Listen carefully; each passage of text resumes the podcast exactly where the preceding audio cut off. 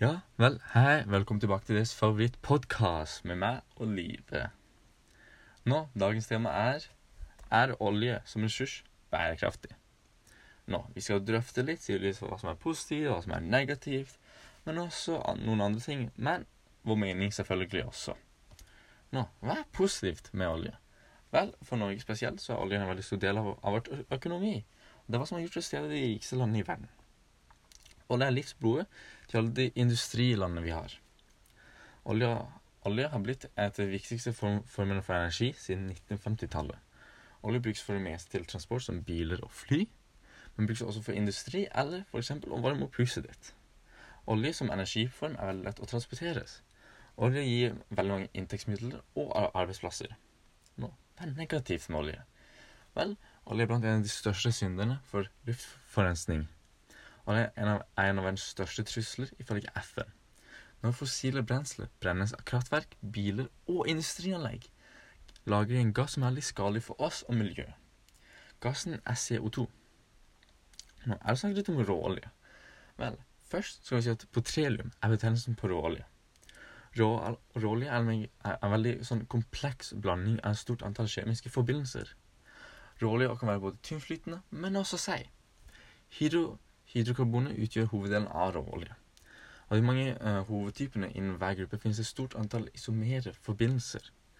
Uh, I gjennomsnitt består råoljen av ca. 82-87% karbon, men 12-15 hydrogen.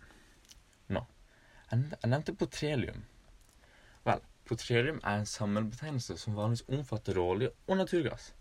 Dette er en blanding av forskjellige typer hydrokarboner som forekommer naturlig i visse geologiske formasjoner i fast, flytende eller gassformet tilstand. Nå, Petroleum er verdens viktigste kilde for primærenergi. Nå, jeg vil si litt om hvordan, vi, hvordan egentlig får vi denne olja, hvor finner vi den? Nå, For Norge så, så finner vi mesteparten av oljen eh, så ligger mesteparten av oljen i Nordsjøen. Og Den dannet ved nedbryting av alger som levde i havet for flere millioner år siden. Når algene døde, falt de til bunns i områder hvor det var veldig lite oksygen. Eh, de døde algene ble bevart til de ble dekket av nye sedimenter. Alger inneholder mye av grunnstoffene hydrogen og karbon, som er viktige deler i olje og gass. Etter hvert som sedimenter som inneholder mye alger, bevares og varmes opp, vil olje og gass dannes og frigjøres. Olje og gassen er lettere enn vann, og det vil derfor stige opp mot overflaten veien opp, og, og, kan hende at oljen og gassen blir fanget i oljefeller. Her vil oljen og gassen kunne oppholde seg helt til et olje, olje, oljeselskap finner det, eller bestemmer seg for å ta ut, ta ut oljen. Nå, Jeg nevnte oljefeller. Oljefeller er en viktig del av dette. Oljefeller er en, veldig, er en geologi, geologisk struktur som, som gjør at petroleum omsamles og ikke unnslipper fra, fra berggrunnene. Fellen består av en takbergart som innelukker en reservoarbergart som opp, oppbevarer potrelium. Nå er det til takbergart. Nå, for oljeselskapet spesielt så er tak, takbergart veldig viktige. Nå, takbergart er en bergart som ligger oppå andre bergarter og er mindre gjennomtregelig enn disse. Skifer er en typisk takbergart.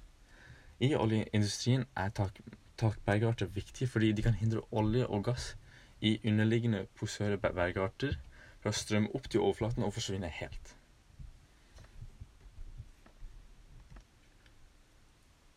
Ja, nå skal vi snakke litt om hydrokarboner. Hydrokarboner er stoffer som inneholder hydrogenatomer og karbonatomer, og kun det. Vi deler hydrokarboner inn i tre grupper som forklarer hvordan de er bygd opp. Disse tre heter alkaner, alkener og alkiner, og nå skal jeg lære dere litt om det.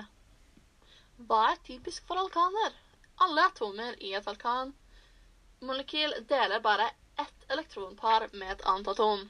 I f.eks. eten deler bare karbonatomet ett elektronpar med hvert av hydrogenatomene.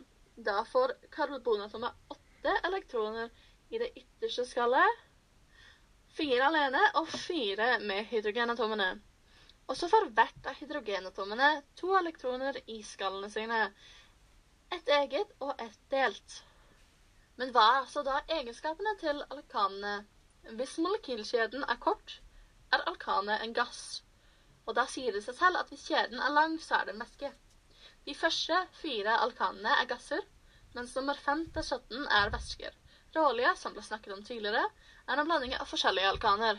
Noen faste og noen flytende. Alkaner brukes ofte i brensel, som f.eks. bensinmotorer eller gassbrannere. Fordi når de brenner, så gir det veldig mye energi. Ingen alkaner og andre hydrokarboner løser seg opp i vann. Har du noen gang prøvd å søle litt olje på hendene dine? Da hjelper det ikke bare å vaske det borti vann. Men hvorfor er det slik? Årsaken er at vannmolekylet har litt ladning. Det har litt positivt og litt negativt. Et hydrokarbon har ikke noe ladning i det hele tatt, og derfor vil ikke hydrokarbonet binde seg med et vannmolekyl. Ja, nå skal vi snakke litt om alkener.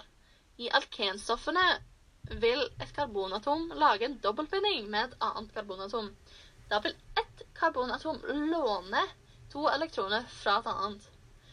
Da trenger bare karbonatomet å låne to elektroner fra hydrogenatomet, Derfor binder C-atomet seg til et annet karbonatom og gir to hydrogenatomer. Ja, nå skal jeg snakke litt om det siste av disse tre, som da heter alkiner. Men hva er typisk for alkiner? Alkinene har en trippelbinding mellom to karbonatomer. Da trenger alkiner bare ett hydrogenatom for å binde seg.